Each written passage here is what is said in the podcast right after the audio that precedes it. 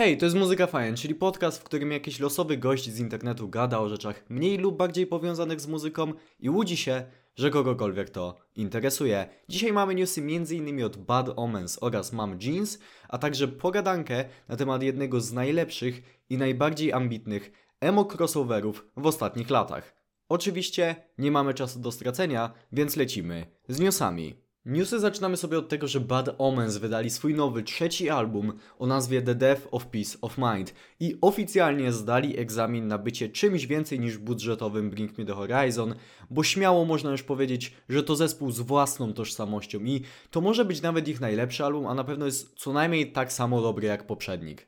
Mam Jeans również wydali swój trzeci album i to naprawdę bardzo miłe zaskoczenie, bo ten zespół raczej kojarzony był wcześniej z Midwest Emo, natomiast tutaj mamy taki rockowo-pop-punkowy, bardzo przyjemny album. Dodatkowo tu i ówdzie możemy usłyszeć jakieś trąbki i skrzypce. No naprawdę, rewelacja szczerze mówiąc, bardzo miło się tego słucha. Natomiast Stand Atlantic wydali nowy singiel zapowiadający ich nowy album i choć ten kawałek podoba mi się chyba najmniej z dotychczasowych singli, to tak czy siak jest to naprawdę przyjemny pop-punk, do którego nas przyzwyczaiła ta czwórka z Australii. Zespół Real Friends zorganizował bardzo fajną inicjatywę. Mianowicie zorganizowali spotkanie z fanami w Denver, jednakże nie było to zwykłe spotkanie z fanami, bowiem wymogiem przyjścia na nie było przyprowadzenie ze sobą psa, ponieważ chłopaki z zespołu to ludzie kultury i kochają psy. Mega sympatyczna inicjatywa, którą najpewniej zespół będzie powtarzał w przyszłości. To tyle z newsów na dzisiaj, teraz pora na pogadankę i pogadajmy sobie o jednym z najambitniejszych i najciekawszych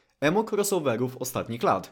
Jednakże, żeby w pełni zrozumieć, kto jest twórcą tego całego zamieszania, musimy cofnąć się trochę wstecz. I jest to zespół Scary Kids Scaring Kids, czyli post-hardkorowy zespół założony w 2002 roku. Zespół wydał dwa albumy, które do dzisiaj są naprawdę bardzo ciepło wspominane przez społeczność post-hardkorową, a następnie rozpadł się w 2010 roku. Co ciekawe, przez ostatnie dwa lata ich perkusistą był Motsan, który jak być może wiecie robi obecnie naprawdę sporą karierę solową. Zespół wznowił jednak karierę w 2019 roku utworem Loved Forever. I cóż, był to powrót słodko-gorzki, bowiem powrót ten miał miejsce podczas dnia, w którym wokalista zespołu Tyson Stevens obchodziłby 34 urodziny. Tyson jednak nie obchodził wtedy urodzin, ponieważ już od 5 lat nie żył. Zmarł w 2014 roku z powodu przedawkowania heroiny. Ale nawet to nie złamało tego zespołu. Panowie postanowili dalej działać, aby zachować pamięć o Tysonie i już w tym roku ukaże się ich trzeci, pierwszy po rozpadzie album zatytułowany Out of Light. I teraz przechodzimy do najważniejszego, bowiem zespół nie zastąpił Tysona nowym wokalistą. Zamiast tego do każdego utworu na płycie zaprosili innego wokalistę z innych alternatywnych zespołów i ta ekipa naprawdę robi wrażenie. Nie nazwałbym może tego emo Avengers, bo jednak nie mamy tutaj absolutnie największych osobistości z tego świata, ale i tak jest naprawdę ciekawie, bowiem tracklista jest już dostępna i możemy zobaczyć, że na tym albumie usłyszymy chociażby Spencera Charnasa, czyli wokalistę Iceland Kills, Noah Sebastiana, czyli wokalistę wspomnianego na początku tego epizodu Bad Omens, Największym nazwiskiem jest chyba Spencer Chamberlain, czyli wokalista Underoath, ale swoje utwory dostali też chociażby Jesse Cash z zespołu Era, czy właśnie Motsan, co jest naprawdę piękną sprawą, że starzy znajomi zejdą się znowu na tym albumie.